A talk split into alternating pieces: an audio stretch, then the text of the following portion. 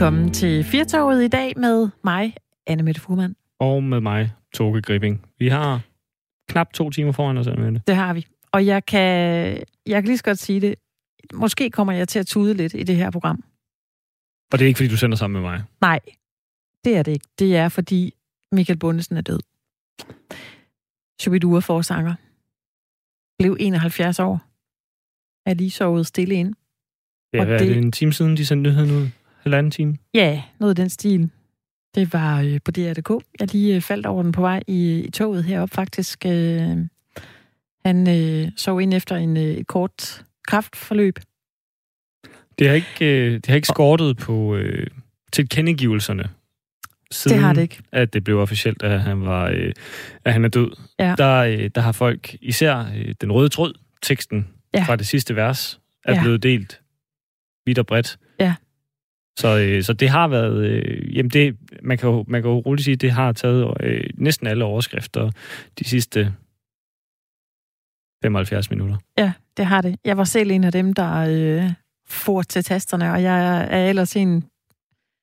Altså, det her med, når man skriver, når, når nogen er død, og så skal man lige skrive, at man selv har kendt personer og sådan noget. Men jeg kunne simpelthen ikke lade være, fordi Shubidua er jo øh, hele min barndom og halvdelen af min ungdom. Øh, det musik, jeg hørte hver sommer på øh, min Walkman, og vi var på ferie, altså i ugevis, og, øh, og hørte det hele tiden.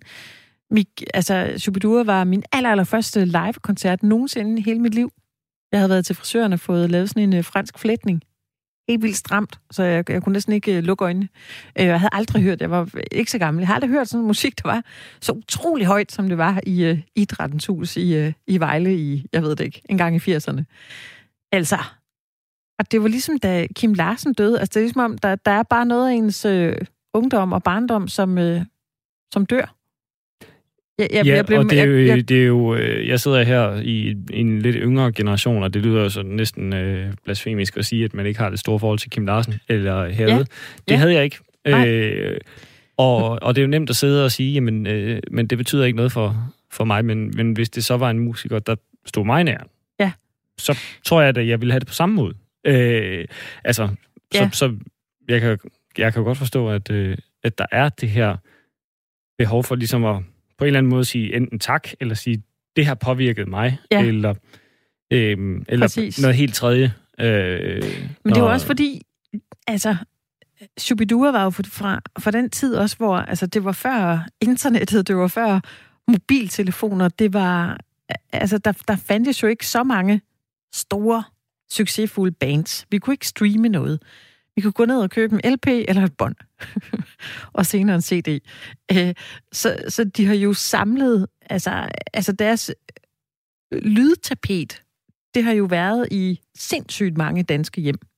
Alle spillede jo bare Jeg har også Shubidua. hørt Shubidua, som øh, Knight. Jeg kan ikke huske, hvad det var for en af deres CD'er. Den blev udgivet, de blev udgivet igen og igen, mange af de her. Ja. Øh, jeg hørte den... Øh, fan var det for en, der var Folkevogn. på? En, øh, nej, jo, den har jeg også hørt. Men, Ja. men, men rundfunk. Ja. Rundfunk? Jeg, Ja, jeg, ved ja. faktisk ikke engang, hvordan man Rundfunk. udtaler det. Rundfunk. Selvfølgelig, ja. det er Shubidua. Ja. Alt er på danish. Ja. Den kan jeg huske. Den Ja. ja. kan jeg huske, jeg dansede til, da jeg var Knight. Altså meget, meget lille.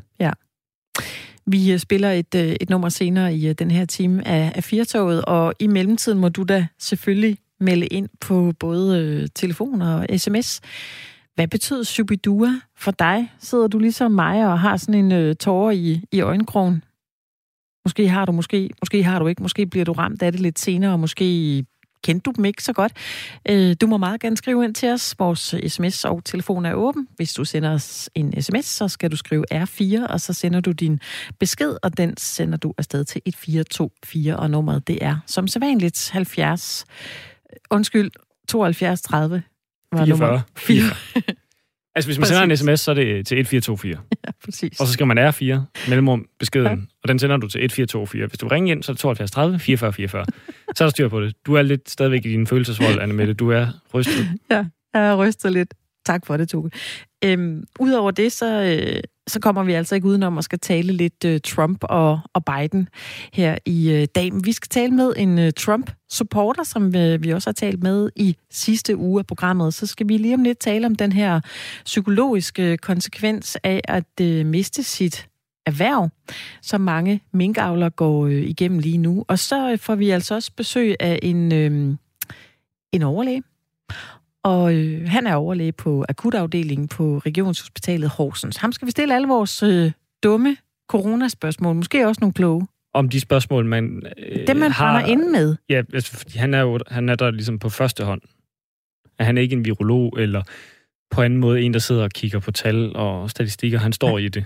Øh, det så, så, så det er lidt nogle andre spørgsmål, vi kan stille ham, end, øh, end vi har stillet mange af de viruseksperter, der har... Men hvem ved? Man ved, ikke, man ved ikke, hvor meget han kan svare på.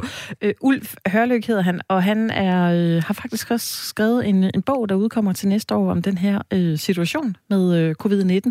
Hvordan det har været at, uh, at være i uh, sundhedssektoren i, uh, i den her tid. Det er baseret på Ulf Hørløgs dagbøger, som han har skrevet. Øh, det skal vi tale med ham om lidt senere, og øh, du kan jo som sædvanligt altid øh, ringe ind til os med noget andet også, hvis du hører noget, du er fuldstændig rygende uenig i, eller noget, du gerne vil dele med os, så er nummeret 72 30 44 44. Det er det her, vi sidder på frem til klokken 17 i dag, og med det vil vi bare byde dig velkommen indenfor til Firtoget.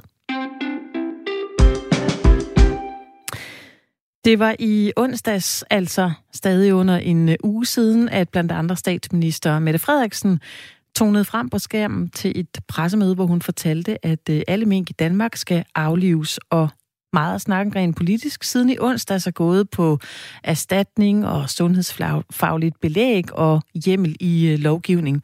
Men helt lavpraktisk sidder der mange hundrede minkavlere, som øh, skal slå deres dyr ihjel og, og dermed også tage livet af deres virksomhed. Der er en masse ting i spil. Der er tab af indtægt og arbejde, men altså også de øh, menneskelige følelser, man må stå med i sådan en situation. Derfor har Region Nordjylland valgt at øh, aktivere det såkaldte psykosociale kriseberedskab. Det er det beredskab, der fokuserer på de psykologiske virkninger hos øh, ofre og pårørende ved for eksempel store ulykker eller terrorangreb. Lige nu kan vi sige velkommen til dig, Christina Mor Jensen. Tak.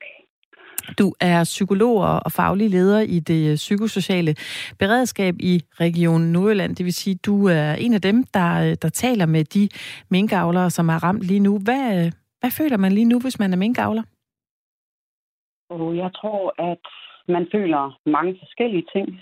Sådan er det jo med os mennesker. Vi er jo heldigvis ikke skabt ens. Jeg tror lige nu er der rigtig mange, som er i chok og som måske faktisk ikke mærker så meget andet end en angst for at nå det, og en panikfølelse, altså relateret både til at skulle tage livet af sin besætning, hvad skal der ske med fremtiden. Øhm, jeg tænker måske, vi kunne tage lidt udgangspunkt i, hvad det faktisk er, de sådan oplever og, og gennemlever nu. Fordi jeg tænker, at følelserne vil være meget forskellige, og der vil være nogle reaktioner nu, og der vil komme nogle senere. Øhm, mm. Men altså, jeg tænker afmagt, øh, vrede, kedsomhed, øh, magtesløshed er, er det, det følelsespektrum, vi er. Ja, der er forskellige måder at, at, at takle den der øh, situation på formentlig. Kan man, altså, er der nogen sådan ting, man kan bruge til at forudsige, hvordan folk vil reagere i en given situation, eller er det simpelthen at tage det helt øh, ad hoc, lytte til, hvad de selv siger, øh, kigge på deres situation, og så bevæge sig fremad derfra? Ja, altså det vil vi jo altid øh, skulle skulle. Øh, men hvis jeg skal prøve at rise lidt op, hvad det er, øh, vi ved, og, og hvad det er, jeg oplever i de kontakter, jeg har haft øh, indtil videre, så er det jo, I er jo selv inde på det her med, at det er, det er en virksomhed, Øh, så det er, jo, det er jo noget omkring noget økonomisk. Øh, altså, hvad skal der ske øh, i fremtiden? Hvad med alt det, øh, man har investeret nu og her? Men hvis der er noget, jeg har lært de sidste par dage, så er det, at det at være minkavler, det er meget mere end at drive en virksomhed. Det er livsværk. Det er for nogens vedkommende generationers arbejde. Det er, så at sige, afsøllet, som man bliver bedt om med ultrakort varsel. De her mennesker har ikke haft, de, de får det at vide samtidig med os andre. Øhm, de skal nå at begribe, at alting det bare forsvinder og er væk. Øh, hvad hedder det? Det skal ske meget hurtigt. Øhm, de oplever, at øh, selvom at der selvfølgelig er nogle aftaler omkring, at de får en eller anden form for kompensation, så der er stadigvæk meget usikkerhed. De aner jo ikke, hvad der skal ske med deres ejendom, hvordan de bliver økonomisk understøttet, men det jeg virkelig mærker, det er jo, at det er landmænd, og landmænd har en kærlighed og en omsorg for deres, øh, deres dyr. Så det er jo meget mere en, hvad kan man sige, butikslokale, man, man siger farvel til. Og så foregår det jo der, hvor folk de bor. Altså vi skal huske på, at det her, det, det, det er folk, de bor jo, så at sige, på deres farm øh, og skal opleve øh, myndigheder. Og mm, det jeg jo kan høre og fra dem, jeg taler med, men vi kan også læse det, øh, det er, at øh, de her stille og rolige menneskers liv bliver lige pludselig forandret til noget, der nærmest kan opleves som en krigszone. Altså det er militær, der lige pludselig holder uden varsel, eller forsvaret, der holder uden varsel, ude for deres, deres hjem. Øh, myndigheder, der må komme og gå i deres boliger, øh, for at kontrollere, at de nu gør det, de skal. Samtidig med, at de bare skal begribe alt det her, der foregår. Så det er virkelig voldsomt.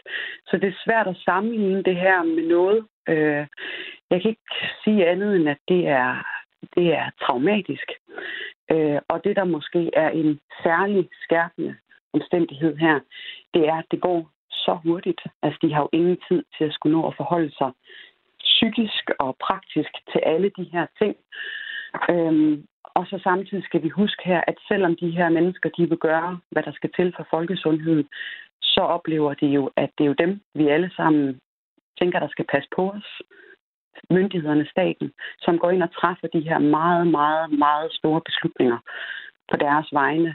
Øh, så de kan jo ingenting gøre, og de er jo også, så at sige, økonomisk afhængige af, øh, at at man vil støtte dem. Så jeg ved ikke, om det er sådan, giver mening, at det er, det er, der er så mange forhold i spil her. Det er et helt vildt dobbeltbind. Og, og det, jeg hører, det er, at det er magtesløshed, at man føler sig umenneskeligt gjort, at man oplever, at man bliver truet og får holdt en pistol for panden. Så det, det er store sager, vi har med at gøre her. Og nu er du inde på, at du siger det øh, helt øh, vildt, øh, det her, men er, er, det, er det det vildeste eksempel, du har set, altså på, hvad skal man sige, et, et, øh, et tilfælde, øh, hvor, hvor I har øh, altså, sat beredskabet, øh, det psykosociale beredskab i gang. Er det det, er det, det vildeste tilfælde, det her, du har været med til? Jeg vil sige, det, der gør det her særligt, jeg synes, man skal passe på med at at sammenligne tragedier. Øh, det, det kan man ikke rigtigt, fordi de er så forskellige. Men det, der er noget særligt her, det er netop det, at, at det, øh, det kommer øh, så pludseligt og fra den kant af. Altså, det er jo myndighederne, øh, der bestemmer det her, og det er så mange mennesker på så kort tid. Så på nogle måder, så, så kan man sige ja, men, men jeg vil helst undgå at skulle ud i at, at sammenligne tragedier.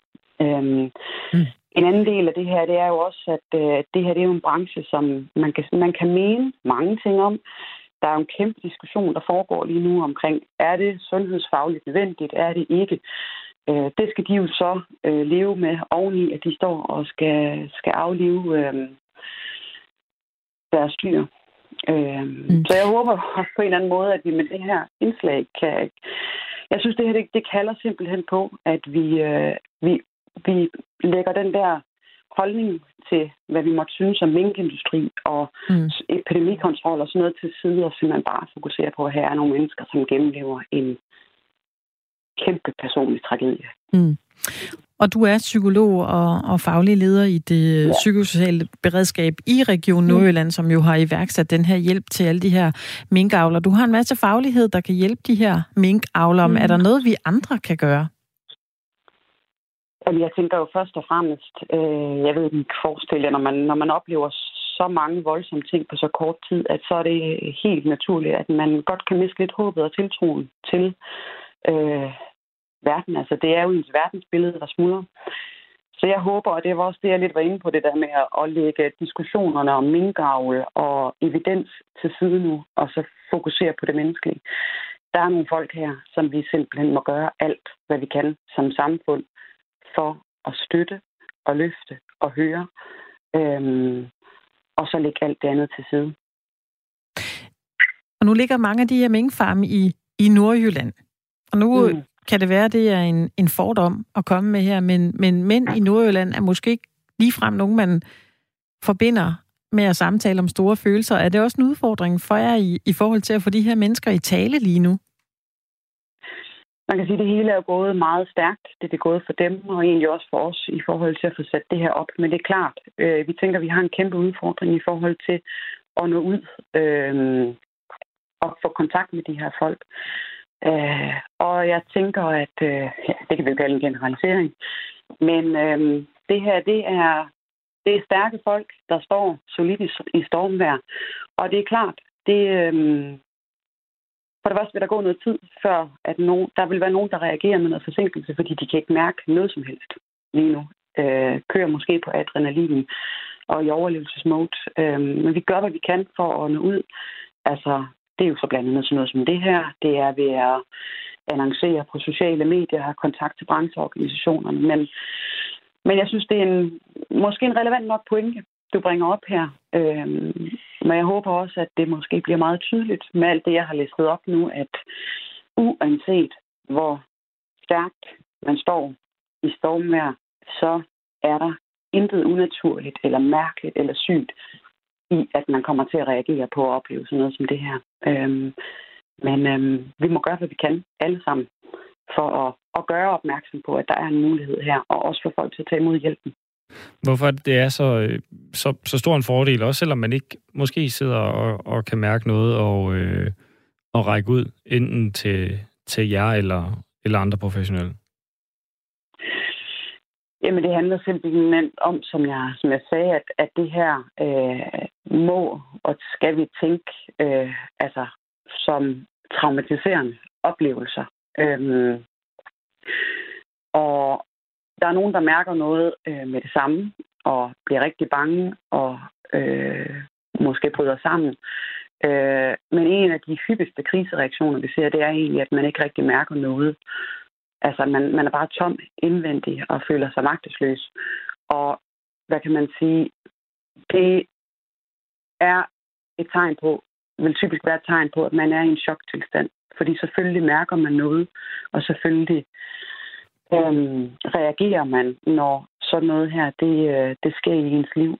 Øh, vi kan ikke tage det her fra folk, men vi kan hjælpe dem med at forstå, hvad det er, der sker med dem, få sat noget sammenhæng i det, de oplever, og støtte dem til, hvordan de, øh, de klarer her den, den næste tid, indtil mm. de, øh, de genvinder fodfæsten. Ja.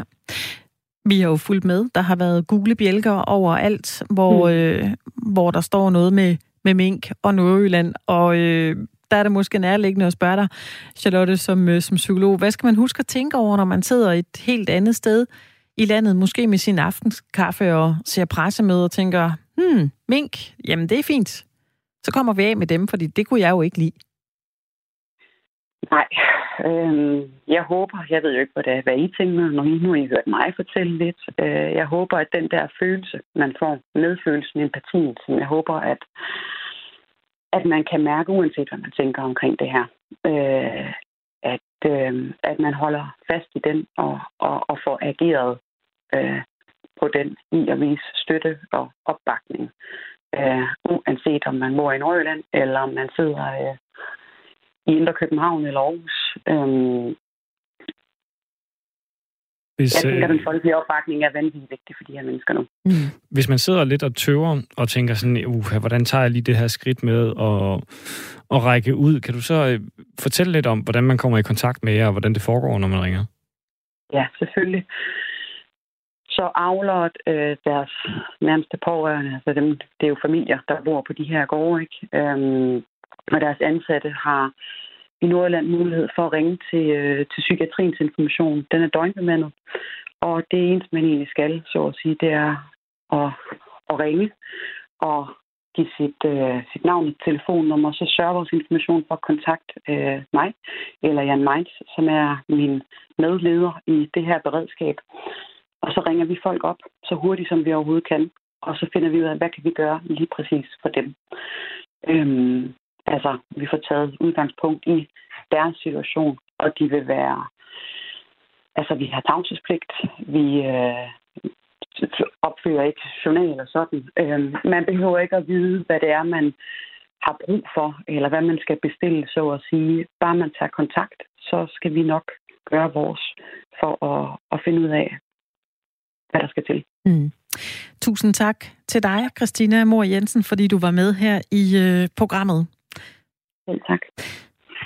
Christine Mor Jensen er øh, psykolog og faglig leder i det psykosociale beredskab i Region Nordjylland, som øh, lige nu har iværksat den her krisehjælp til alle de mennesker, som øh, har en minkfarmer, som er påvirket af den her situation, de er i lige nu. Som hun nævnte, så er telefonnummeret til psykiatriens information 97 64 30 00, hvis man øh, bor eller arbejder på en øh, minkfarm og har behov for at øh, tale med nogen om det, der sker lige nu.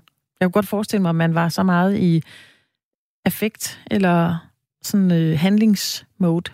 Ligesom når der er nogen, der dør, så tænker man hurtigt på, okay, vi skal have det her øh, fikset nu, der er øh, begravelse, vi skal have ordnet ting. Man bliver meget hurtigt, meget lavpraktisk, og så kommer, det, så kommer der en reaktion bagefter. Altså, jeg tror også, det er svært at stå midt i det, og så tage kontakt, fordi man ved jo ikke rigtigt, måske, hvad man føler, fordi man er sådan i, i chok. Ja, og så er der faktisk også, der har jo også været eksempler på nogen, der, der ved, hvad de føler. TV2 for eksempel har fulgt øh, en minkavler. Øh, jeg kan ikke huske, i hvilken del af landet det var, øh, mm. men det er jo så en del af landet i hvert fald, der skal af med dem øh, nu, og øh, som, som det jo ligesom har været bekendt gjort. Og, ja. øh, og han havde det i hvert fald svært. Ja. Øh, nu var jeg lige det lyder som om, jeg blev lidt forvirret her, da jeg skulle sige en del af landet, der skulle af med dem. Det er simpelthen fordi, det har jo været bekendt gjort, at det var hele landet, hvor de her mængd skulle slås ned. Yes. Øhm, så gik der politik i den, øh, og derfor så, øh, så er der altså forløbig kommet et stop for det, fordi at der er kommet et telegram ind øh, via Ritzau her, hvor der står, at regeringen opgiver den her hastelov om fordi de ikke har kunnet samle opbakning i Folketinget. Mm. Og det er blandt andet efter, Venstre er vendt rundt, hvor de først sagde, okay, men vi gør det her for folkesundheden, så er der kommet råd i baglandet nu her, og, øh, og derfor så er de altså valgt at sige, forløbig sætter vi stop for, at man skal aflive øh, alle mink i regioner, der ikke er Nordjylland. Altså, ja. fordi i Nordjylland har man ligesom de her hensyn.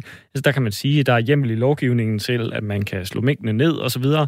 Det er der ikke i resten af landet, fordi at det er ikke den her isolerede region og sådan noget, og der er ikke bevist sygdom i alle steder, eller i hvert fald ikke lige meget.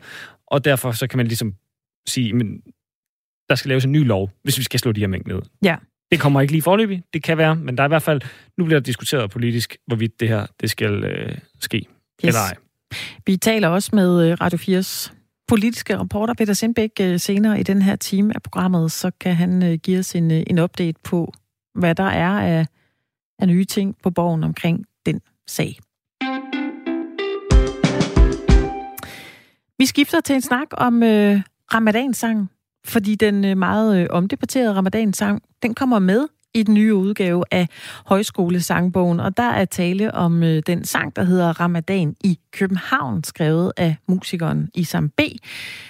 Og jeg tænkte, øh, nu når den er havnet i Højskolesangbogen, så skulle vi næsten lige øh, spille lidt fra den. Det er den, der hedder Ramadan i København.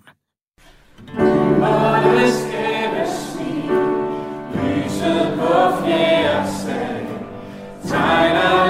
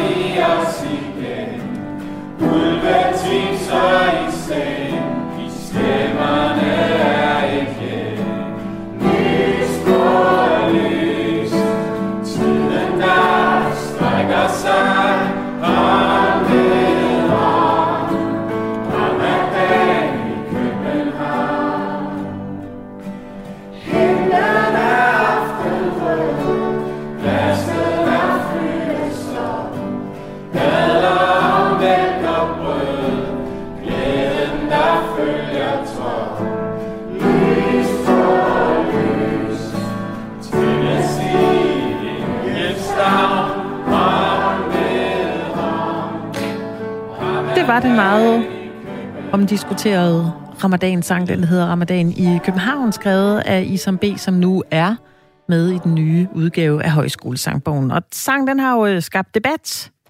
Dansk Folkeparti skriver følgende på deres øh, Facebook-side den øh, 6. November. Fuldstændig vanvittigt. I dag blev det annonceret, at Isam B's sang om ramadanen kommer med i den nye udgave af Højskolesangbogen. Udvalget begrunder det med, at det er en god sang. I DF mener vi, at det er dansk. Nej, at det er ren provokation. Undskyld, en sang om ramadanen hører ikke hjemme i højskole-sangbogen. Og øh, Dansk Folkepartis kulturordfører Morten Messerschmidt, han øh, udtaler i en artikel til Berlingske.dk, at øh, han har svært ved at se det lyriske, altså den lyriske værdi i den her sang. Men øh, har sangen egentlig lyrisk kvalitet? Det undersøgte Radio 4 morgen i øh, morges. Og øh, lige nu skal vi høre et klip, hvor øh, præst og salmedigter Holger Lisner, han vurderer sangens kvalitet. Han har nemlig været øh, ude tidligere og, øh, og kritisere sangen. Han skrev, at den ikke har noget, altså han har ikke noget imod muslimsk, en muslimsk sang i øh, højskolesangbogen, men at det her, det er dårligt håndværk i sangen, og der er noget roderi i, i versemålene. Og øh, det fortalte han i morges på Radio 4 Morgen til øh, Jakob Grosen og øh, Kasper Harbo. De har rettet på det. det er så, så det, på den måde har de hørt min kritik der. Og, og jeg synes, øh, der, den, sangen har nogle kvaliteter, men der er stadig nogle ting i den, som jeg ikke synes er godt nok endnu. Men altså, den har nogle skønne billeder. Den er meget visuel. Nymånens skæve smil. Lyse på fjerde sal tegner liv på gardin. Det er da nogle gode billeder. Man kan se det for sig ind i sådan en by, ikke også? Men så kommer der lige pludselig, i, i første udgave, der skulle øh, lyse på fjerde sal, det skulle rime på noget med tale. Og øh, det, det var lidt for langt det ord, så han satte bare en apostroftal. Og det kan man måske gøre i en rap, men, men det duer ikke, når man skal lave en fin sang. Så har de fundet på noget smukt her. Vækket er nattergal. Så rimer det jo. Men altså, Altal, har du nogensinde hørt nattergal i København? Er meget bekendt, så altså. lever nattergal. Ikke, ja, det, om vi skulle finde en ude, der mos, men så er der ikke det selv. Altså, det er sådan, det man på godt gammeldags kan kalde rimnød. Man finder et ord, som, som rimer, men det passer ikke særlig godt i sammenhæng. Men det er jo poetisk, at en vækket af nattergal synger helt til morgenen. Men sådan noget, det synes jeg er noget tjusk. Så kommer omkvædet. Det er fint nok. Øh, lys på lys brænder midt i, København, i mørkets favn, smukt, hånd ved hånd.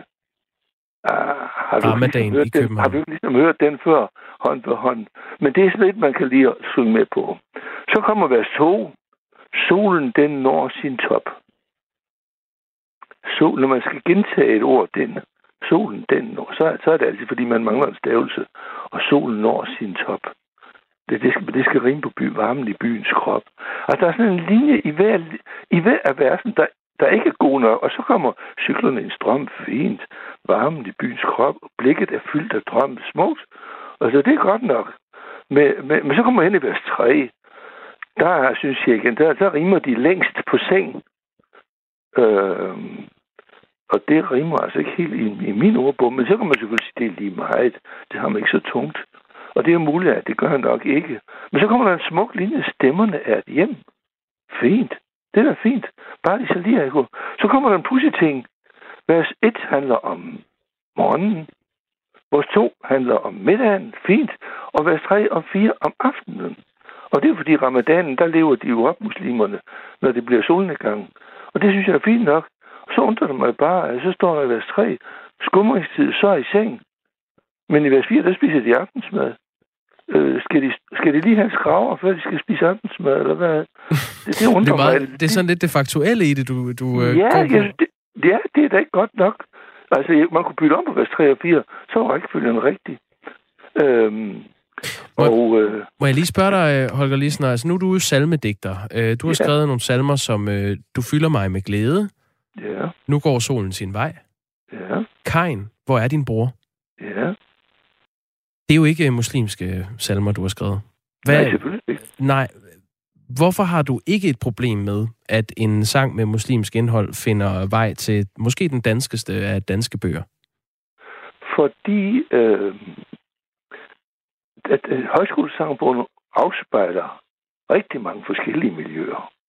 Der er husmandssange, der er arbejdersange, der er landmandssange, der er Åkærs idylliske fra, som for, øh, kystsange, som for længst øh, ikke passer til landbruget mere, men det afspejler Danmark. Og vi har så mange muslimer i Danmark. Så hvis øh, der kunne være en sang til dem, så er højskolesamfundet heldigvis så rummelig. Så det kan den godt. Altså en ting, jeg skriver salmer, fordi jeg skriver for kirken, men højskolesangbogen er jo højskolesangbogen. Så er der ganske, vi skal spekulere på, hvor mange muslimer, der kommer på højskole. Det tror jeg nok ikke ret mange, fordi øh, det må de ikke. Der, der bliver bestrukket for meget alkohol. Holger Lisner, kender du øh, Rasmus Nør? Rasmus Berg? Nej, ja, ja, det kan vi tale om en anden dag, men Rasmus Nør, en uh, musiker, han har lavet Sommer i Europa og sådan Nå, der, der er en, der, skriver, der hedder Lisi, der skriver ind på vores sms. Hej, ligger starten af melodien ikke meget tæt på fantastiske Rasmus Nør? Det, det har du så svært ved at svare på, når du ikke... Det kan jeg ikke svare på. Nej, kan du svare på det, Kasper?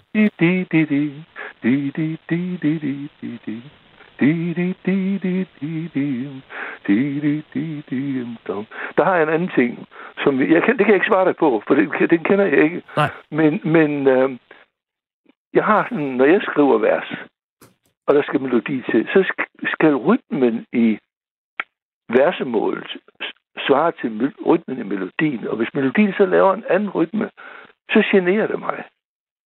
Øh, og, og, og den her, den, den er skrevet i fire fjerdedel. Di, di, di, di, di, di, di. Og hvis man siger, nymånen skæve smil, hvis betoningerne ligger på 1 og 3, hvad det normalt gør i 4 fjerdedel, så kommer de ubetonede stavelser på de betonede toner. Men det kan man godt tvære ud. Jeg kan høre, når han synger den. Så bliver det bare sådan en, en, en bue. Ny måned tæver smil, lyset på fire sand. De tegner liv på gardin. Altså, det er gardin, men, men gardin. Jeg synes ikke, rytmerne ligger, altså betoningerne ligger rigtigt. Men det andet kan jeg ikke svare det på. Og så er det spørgsmålet, om jeg er for kritisk, fordi jeg skriver på, at det er en anden type musik, jeg skriver. Det skal jeg ikke kunne sige. Mm. Men det er altså det, jeg synes, når man skal sammenligne med de andre sange, der kommer i højskolesamfundet, så er det jo altså i orden. Det er god poesi. Og det er det, jeg har protesteret lidt imod. Men det er altså ikke det muslimske. Jeg synes lige, at du skal vide til at slutte af med her, øhm, Holger Lisner. Jeg sidder og kigger på fugleognatur.dk, som er øh, et sted, hvor observationer af forskellige arter bliver okay. listet ind. Der er nattergale overalt i København. Der er, er tre det? observationer Nej, på Nørrebro, der er Sydhavnen, Amager, Nej. der går det helt amok. Tag en tur til Dragø, og så skal du få nattergale. Ja, det var sjovt. Ja, så... Det var øh, ligesom en gang, jeg puttede en solsort ind i en salme om, i Buskehaven. Og så mødte jeg fugleeksperten fra Paul Thomsens dus med dyrene. Han sagde, jeg tror altså ikke, der er solsort i Israel. Så ringede han to dage efter og fortalte mig, at grænsen for solsortens udbredelse gik i øh, Israel. Så der kan godt have været en, is, en solsort, en, den, der hvor Jesus stod op i graven. Der kan du bare se, jamen uh, nattergalen, du er ikke i tvivl, når du møder den, jo, Den synger kun om natten. Nej, det gør jeg. ved godt, hvordan nattergalen lyder. Det lyder godt. Ja. Så skal vi da lige have en god ting til. Han laver i sidste vers, der laver han den her, nu rammer dagen København. Og det drejer han lige med et ordspil, rammer dagen i København. Det er da sjovt. Den går vi ud på, Holger Lisner. Salmedigter. Jeg synes, det er en god idé. Ja, ved du hvad, vi tager det sidste vers. Øh, det går vi ud på. Tak fordi du var med. Det er fint. Tak skal du have. Hej. Det var præst og salmedigter Holger Lisner, der havde talt med Ret 4 Morgens Jakob Grusen og øh, Kasper Harbo. Og det var jo altså omkring den her øh, sang, Ramadan i København, der er skrevet af Isam B., som øh, nu er kommet med i den nye udgave af Højskolesangbogen. Og jeg elsker eksemplets kraft. Jeg synes, det var dejligt, at øh, Holger Lisner lige nønnede med og sang og sådan smagte lidt på ordene. Ja, så kunne man jo og, høre og så, det for sig selv i hvert fald. Ja, præcis. Hvis man øh, skulle have lyst til at, at synge med på det her nummer, så skal man jo altså finde en udgave af den nye højskolesangbog, og så kan man øh, sidde og, øh, og synge den derhjemme. Anna Mette, vi bruger noget tid på mink i dag, og det, det gør, gør vi. vi jo, fordi at øh, det er kommet frem, at da regeringen sagde, mink i hele landet skal slås ned, så havde de simpelthen ikke lige lovhjemmel til det. Nej. De kunne kun slå dem ihjel i Nordjylland. Derfor vil de have en øh, hastelov i øh, gennem. Og vi ved selvfølgelig ikke, om det er for at spørge om tilgivelse, snarere end at spørge om lov. Den her hastelov er faldet igennem forløbig. Det er det eneste, vi ved lige nu. Mm.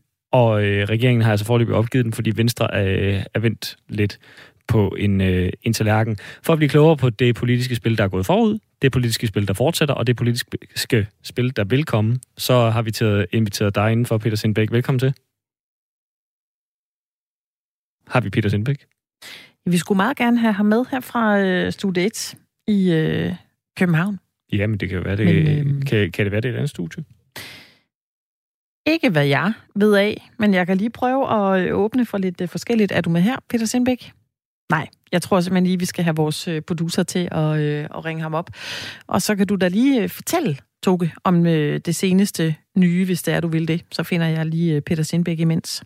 Jamen, øh, det seneste nye er, som sagt, at regeringen har droppet de her planer. Altså fordi, at de ikke kunne samle et flertal i Folketinget. Det er tre fjerdedel af Folketinget, der skal til, og der skal stemme for, at få øh, hastebehandlet sådan en lov. Altså, så det vil sige, det, det, det der er forløbet blevet bestemt ned, det er en hastelov, mm. som skulle være kommet i morgen. Øh, og regeringen, jo... regeringen skulle have fremsat den. Så det, der sker, det er så, at øh, forløbet må vente, og det er allerede begyndt at afføde nogle reaktioner, så, øh, så vidt jeg kan øh, forstå. Det er, øh, hvad der, de her reaktioner er kommet fra øh, venstrefløjen, og det er blandt andet enhedslisten, der har været ude. Men, øh, men om, øh, et, øh, om ikke andet, så, øh, så er det altså forløbig status. Ja, det kan godt lyde, som om jeg padler lidt med det. Det gør jeg Det er helt også. okay. Jeg prøver at finde Peter Stenbæk, og nu prøver jeg lige lidt mere. For... Sådan. Det er simpelthen fordi, når man skifter studie herinde, ikke? Yes. så går der lige et øjeblik, før den øh, ligesom øh, går igennem nede i det, der hedder øh, pulten. Og nu kan jeg skrue op ja, for dig, hvad? Det skal Peter ikke være, det skal ikke være knivskarpt det hele, Peter. Jeg skruer op for Peter Stenbæk. Hej Peter, er du med nu? Måske. Ja. Ja, det er han. Hej. Super godt. Dag, Peter. Ved du hvad? Det er ikke sådan at lave live radio. Nej, jeg er næsten øh, kommet helt af sporet igen. Kan du ikke lige hjælpe mig tilbage på det? Øh, vi ved, at hastelovgivningen forløbig er, øh, er faldet igennem. Hvad er ellers, øh, hvad er ellers seneste, seneste nyt på Christiansborg om, øh, om mink her? Men altså, man kan sige, det har jo været lidt en, en tumultarisk dag på, øh, på Christiansborg, også øh, i kraft af, at øh, de, der har været skiftende meldinger øh, dagen igennem. Det starter jo, som du også selv øh, introducerer indslaget med og, og snakker om, nemlig at, at Venstres formand, Jakob, Jakob Ellemann Jensen, han, øh, han øh, melder ud i morges, at han ikke vil støtte den her hastebehandling om, om afløb, aflivning af mink, og derved falder, øh, hvad kan man sige, det tre fjerdedels flertal, som skal til for, at øh, regeringen kan hastebehandle lovgivningen. Det er også bare for at understrege, at det, regeringen har sådan set ikke brug for øh, tre fjerdedels flertal i Folketingssalen for at få gennemført sin hastelov. Det er mere, at øh, lovgivningsarbejdet kan, kan, kan få dispensation til at overskride de her tidsfrister. Er selve det, at det kan blive en hastelov som er, som er spørgsmålet her. Mm. Og det er der jo ikke nogen borgerlige partier nu, der støtter op omkring, men forud for det her ligger der også lidt en, hvad kan man sige, en zigzag-kurs fra, hvorvidt Venstre ville støtte eller ikke ville støtte, fordi søndag kom meldingen jo frem, at, øh, at øh, man egentlig havde tænkt sig at give øh, regeringen the benefit of the doubt, så at sige, i forhold til anbefalingerne fra Sundhedsministeriet og støtte op omkring den hastelov. Men der har man så haft, hvad kan man sige, uenighed, også fra baglandet, altså Venstres bagland, som har ment, at, at den beslutning måske ikke var den, var den bedste, og derfor kom Ellemann altså ud med den her afklaring i morgen. Så det har jo så gjort, at regeringen jo måske havde forventet, at man havde den samme opbakning. Det er jo ikke den første hastelov i, i den her corona-sammenhæng, som øh, regeringen har fået gennemført. Og i, og i de andre tilfælde, der har Folketinget jo over en bred kamp, et helt samlet Folketing, støttet op omkring hastebehandlingerne, også selvom partierne måske kan have haft øh, betænkeligheder i den ene eller den anden retning, men det har man altså ikke valgt at gøre her. Nu er der dialog i gang på Christiansborg omkring, hvordan man kommer videre herfra, øh, særligt fordi sundhedsmyndighedernes anbefaling i forhold til at aflive de her mink jo stadig står. Øh, de kalder jo stadig sag, øh, hvad hedder det, situationen akut, så øh, det efterlader også politikerne med en, hvad kan man sige, et, øh, et forklaringsproblem, hvis ikke man kan rykke øh, hurtigt. Mm. Hvor særlig en situation er det her? Jamen, det er jo meget særligt. Man kan sige, øh, alt, alt hvad der handler om øh, coronavirus, øh, skaber for så vidt nogle, nogle, nogle historiske situationer i dansk politik. Der er jo også et, øh, en sammenhæng, og det er også den bekymring, som der er flere øh, borgerlige politikere, der også understreger, øh, og det er alt lige fra Venstre til, til nye borgerlige, Dansk Folkeparti og dybt ind i konservative, som siger, at de er bekymrede for, ikke nødvendigvis, at man gør det, men måden det bliver gjort på. Altså, at man simpelthen fra regeringens side øh, opererer for... Øh, for, øh, for magtfuldkommen. Altså man, man, gambler, øh, man gambler med det danske demokrati ved at opføre sig på den her måde, at man bare forventer, at øh, Folketingets partier, for eksempel som det var i dag, jo skulle svare på, hvorvidt de støttede en hastelovsbehandling kl. 14, men så skulle samtalerne omkring selve hasteloven så først gå i gang kl. 15.30. Der er der altså mange, øh, mange borgerlige politikere, der, der mener, at, det, at der kommer man ind og piller ved selve, øh, selve nogle grundsten i, i vores, øh, vores parlamentariske øh, samfund, øh, som de i hvert fald ikke finder særligt betryggende. Så det er i hvert fald den øh, knibe, regeringen skal, skal ud af, kan man sige, den de står i. De mangler i hvert fald de stemmer. Og hvis ikke det bliver den her øh, hastelov, øh, forløb i, men har det så lange udsigter, at, øh, at minkbestanden øh, rent lovligt kan, kan slås ned i store dele af landet eller noget?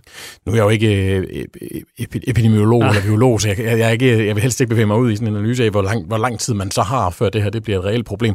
Man kan konstatere, at man står i hvert fald med en akut bekymring hos, øh, hos sundhedsmyndighederne, og at man venter, det kan jo have nogle konsekvenser. Og der er heller ikke nogen tvivl om, at de borgerlige partier jo også ser med meget stor alvor på de øh, anbefalinger, der kommer fra myndighederne. Det her spørgsmål bliver i høj grad et parlamentarisk øh, politisk spørgsmål, i kraft af, at regeringen jo også går ud på pressemøder og konstaterer, ja nærmest ifølge nogle borgerlige politikere jo også i deres udlægning, beordrer øh, minkavlere i Danmark til at begynde allerede nu at aflive deres øh, bestande, men at man så finder ud af her over weekenden, at regeringen jo rent faktisk ikke har lovhjemmel, altså i den lov øh, til, til hold af husdyr, som man jo egentlig havde, henvist, øh, havde tænkt, den skulle henvise til, øh, ikke har hjemmel til rent faktisk at beordre det. Og det er jo derfor, hasteloven lige pludselig bliver aktuel. Og det er der også nogle borgerlige politikere, der føler sig utrygge ved, at, øh, at, at man ikke havde styr på det. Og der mangler regeringen jo sådan set også at, at svare klart på, om, om, man, om man var bekendt med, at man ikke havde lovhjemmel til det allerede i forvejen det ser ud til, at der allerede er begyndt at tække sådan lidt kritik ind af, øh, af Venstre. Ikke overraskende fra den, fra den modsatte side af det politiske spektrum, men, men, øh, men altså, om, at folkesundheden bliver taget som gissel i politik. Altså, er det her er det kun politisk drilleri, eller er der, øh, er der andre interesser på spil her? Ej, jeg tror, øh, det vil være, det vil være at koge dansk politik ned til noget, det ikke fortjener at, øh, at, at tale om det på den måde, fordi der, jeg tror, der er ikke nogen tvivl om, at folkesundheden og lige præcis coronakrisen bliver taget meget alvorligt fra både yderste venstre og yderste højre i, i Folketinget. Men, men det er første gang, vi ser en politisk, hvad kan man sige, en åben politisk uenighed omkring selve den måde, den form, man gør de her ting på. Og det er jo nok også, øh, katalysatoren her er jo også, at det er en rigtig, rigtig vidtgående beslutning. Man nedlægger et, et, et meget vigtigt eksporterhverv øh, for Danmark. Det er milliarder af kroner, det er masser af, øh, ansatte i landbruget, som kommer til at miste deres job. Altså det er, at man nedlægger jo de facto en, øh, en industri med den her beslutning. Så det er også fordi, at den helt hvad kan man sige, håndterbare konsekvens af det her er, er relativt øh, er voldsom. Og det er der, jo, der er også en masse forskellige politiske interesser i det her, som, øh, som man nu forsøger, forsøger at bygge bro henover. Det kan jo også være en, en svær opgave, kan man jo tydeligvis se efter det spil, der har været i dag. Nu er du øh, selv inde på, at det er øh, relativt uset omfang, det her, men, men kan det være noget, der får indflydelse på, på de fremtidige, hvis der kommer eventuelle øh, haste øh, behandlinger, øh, der bliver eller hastelov, der bliver fremsat fremover. Altså får det her så betydning for for det? Altså har man, er det her, hvad skal man sige, er det præcedensskabende? Altså er det første gang, man ligesom siger, nu tager vi et standpunkt her, og så må vi se, om vi kan lave lovgivning på den traditionelle måde og stadigvæk øh, dem coronavirus, fordi det er jo ikke første gang, at der har været fremsat kritik og utilfredshed med, at ting bliver hastebehandlet. Altså man skal jo måske også hæfte sig ved, at det er jo ikke fordi, at Jacob Ellemann Jensen øh, overfor flere medier i dag går ud og siger, at man i sidste ende ikke vil stemme for øh, en, en, en eventuel hastelov, eller, eller at øh, give øh, dispensationen, og dermed sikre flertallet for, at, at man kan behandle en hastelov. Det er jo ikke, fordi Venstre går ud og afviser det. Mm. Det er fordi, man, øh, man, grundlæggende ikke, man grundlæggende mener, at det her det er en beslutning, der bliver truffet meget hurtigt, og som har rigtig, rigtig store konsekvenser for et erhverv, som øh, skaber mange arbejdspladser og tjener mange penge til Danmark. Så det er, det er simpelthen det, at man går ud og træffer så vigtige beslutninger for, for mange mennesker, og at man også gør det på, på måske et ikke helt øh, oplyst grundlag, altså et, hvor, hvor øh, de politiske partier skal øh, vende tommel op eller tommel ned på baggrund af et mangelfuldt øh, grundlag. Det er i hvert fald den det, det perspektiv, der kommer fra, fra de borgerlige partier lige i øjeblikket. Så om det, der, som det er præcedensskabende, man, kunne, man kan sige, lige nu handler det i hvert fald meget konkret om mink, men, men der er også en, en dynamik i det her øh, corona-politiske øh, spil omkring corona, øh, hvor man jo har haft et meget samarbejdsvilligt folketing over en bred kamp øh, fra da, da krisen den ramte Danmark, men nu er vi også begyndt at komme ind i en anden situation, hvor der er måske mere reelle øh, politiske uenigheder omkring, hvordan man gør det ene eller det andet. Men der kan man sige, at regeringen læner sig op af nogle, øh, nogle meget tydelige sundheds, øh, sundhedsfaglige øh, anbefalinger. Og, og det er jo også noget, der får international opmærksomhed, den her, hvad kan man sige, mink-mutation fra, fra Danmark. Det er jo noget, der har skabt overskrifter også ude omkring i verden, hvor, øh, hvor regeringen jo så også siger, at man også via øh, Staten øh, Serum Institut har en dialog med, med, de, med de nødvendige internationale myndigheder omkring, hvordan man håndterer det her. Der har man jo også fået en, hvad kan man sige, et nik øh, derfra til, at øh, man, man håndterer det på, et, på en ordentlig måde. Det er en, øh, en udvikling, der, der bliver spændende at følge med i, og det gør, kommer du helt sikkert også til at, at gøre det, Peter Sindbæk. Forsøger i hvert fald. Ja, tak skal du have, fordi at, øh, at du var med her og gad at forklare, hvad der sker på Christiansborg i øjeblikket om øh, hastelovgivning, mink og øh, desvidere. Selv tak. Au for den. Det bliver, øh, jamen det bliver spændende at se. Øh, og det, jeg ville ønske, at jeg kunne sige noget, der var mindre generisk, end det bliver spændende at følge med i. Men, øh, men det er den umiddelbare reaktion, jeg har lige nu, efter at, øh, at have læst for øh, ja. et, øh, 20 minutters tid siden, at, Kunne, at man øh, det, det, det første her? udkast til en hastelovgivning er øh, blevet droppet. Ja. Eller det første er du udspil. overrasket, Toge? Øh, jeg, ikke, altså ikke efter, at, at Jacob Ellemann sagde, at øh, nu, men nu, nu trykker vi lige på bremsen her i første ja. omgang. Så, øh, så synes jeg, det giver fin parlamentarisk mening at sige, så prøver vi at, at vende dreje det lidt mere. Ja. Og finde ud af, jamen, altså, hvad, hvad, hvad gør vi så? Ja, men, men, men må ikke det ender med, at man finder et fælles fodslag alligevel, fordi det er jo altså, det er et relativt stort gamble, hvis man siger, at vi gør ikke noget. Og mm. det er heller ikke det, der er blevet lagt op til, som øh, Peter Sindbæk var inde på. Altså, det er, der er ikke lagt op til, at nu har vi bare sat foden ned, og der kommer aldrig til at blive, altså, at blive skubbet nogen lovgivning igennem. Mm. Vi følger det helt sikkert i øh, firtoget. Vi sender desværre ikke i morgen tidlig. Man skal lige vente øh, et lille døgns tid, før vi øh, i hvert fald følger op på den sag, men øh, det kan jo være, det er, der er store ændringer i morgen klokken 14-15 stykker. Hvem ved? Vi der er i hvert fald daglige opdateringer. Det er der. Helt sikkert. News. Vi startede timen her i øh, Firtoget med at nævne, at øh, forsangeren i Shubidua, Michael Bundesen, er død. Han blev 71 år gammel. Han sov øh, ind i øh, går aftes i sit hjem i, øh, i Gentofte i trygge rammer, står der på øh, DR.dk, omgivet af den nærmeste familie, som også siger, at øh, det er med en ufattelig sorg. De kan meddele, at vores far, Michael Bundesen, efter kort tids kraftforløb er afgået ved døden. Og det er børnene Nana og øh, Nikolaj Bundesen, der, øh, der skriver det her inde i pressemeddelelse, og det fik i hvert fald øh, mine øjne til at, at, at blive lidt våde øh, i eftermiddags, da jeg, øh, da jeg hørte det. Vi har også spurgt dig, der lytter med her i programmet, hvad Shubidua har betydet for dig. Vi har fået en besked fra Patrick, der skriver, Shubidua i regn og slud har jeg cyklet glad på arbejde og til uni, øh, til tonerne fra Danmark. Danmark, fantastisk sang. Følelsen af at miste Michael minder om dengang Michael Jackson gik bort. Øh, jeg var nede i to uger, hvor jeg kun lyttede til øh, Michael Jackson, så Shubidua skal på, på pladespilleren i, øh, i aften. Og så er der en, der hedder Jens, der skriver, det kan være, fordi vi starter jeg tror, med... Den er dedikeret til mig, den, den er der. lidt dedikeret til dig, som øh, repræsenterer den øh, yngre generation. Han skriver her, Jens, Shubidua er dejlige tekster. Ja, der er følelser og kærlighed til Danmark, varme sommer øh, og glæde. Er det ikke svært at komme fra den onde generation, Toge? Det er så det til dig. Det var vist et Freudian slip, at du fik kaldt det den onde generation. Der. Det, det... Ej, jeg sagde unge generation. Gjorde jeg virkelig? Ej, jeg sagde da unge. Du hørte det forkert. Nå, det er mig, der hører forkert. Det kan være, at jeg slet ikke er så ung alligevel, at det, det kniver med hørelsen. det tror jeg.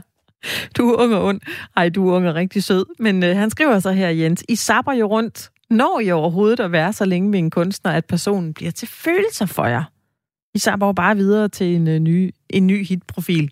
Øh, er der noget om den snak?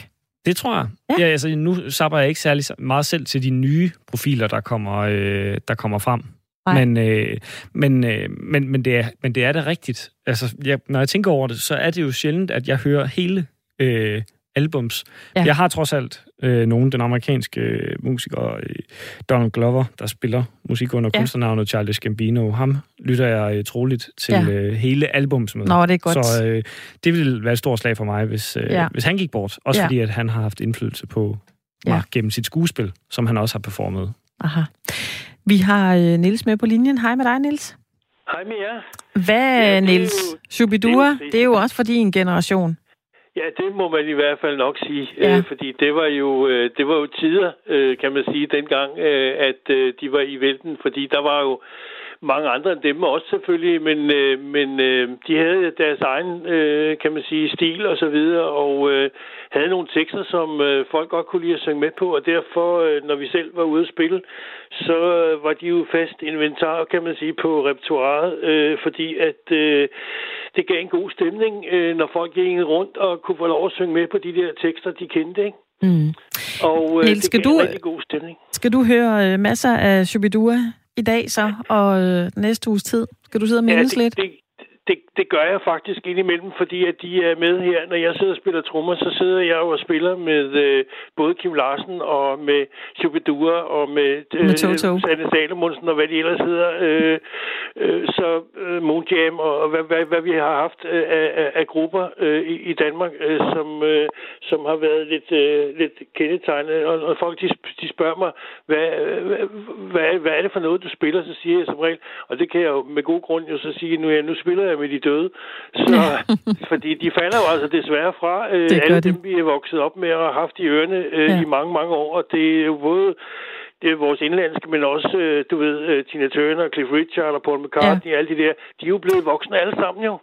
Det er de. Og det bliver Niels, vi til at... vi vil gerne lige nå at, at hylde Shubidua, også øh, sammen med dig, så når vi lige siger farvel ja. Ja. til dig, så spiller, vi, øh, så spiller vi lige den røde tråd, og så, øh, Ja, så kan du sidde og øh, gå til trommesættet, hvis du har lyst til det, eller synge med derhjemme.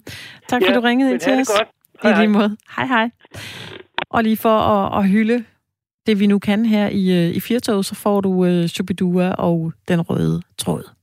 Hvad mund man er, før man bliver til et stjerneskud, et puslespil En tanketorsk, en gullerod Man må for fan have været Moders barn var rød og hvid.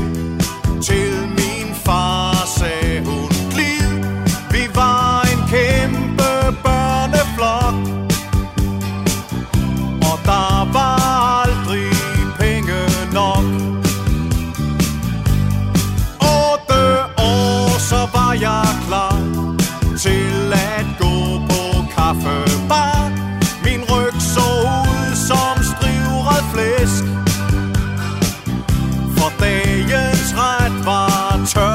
taste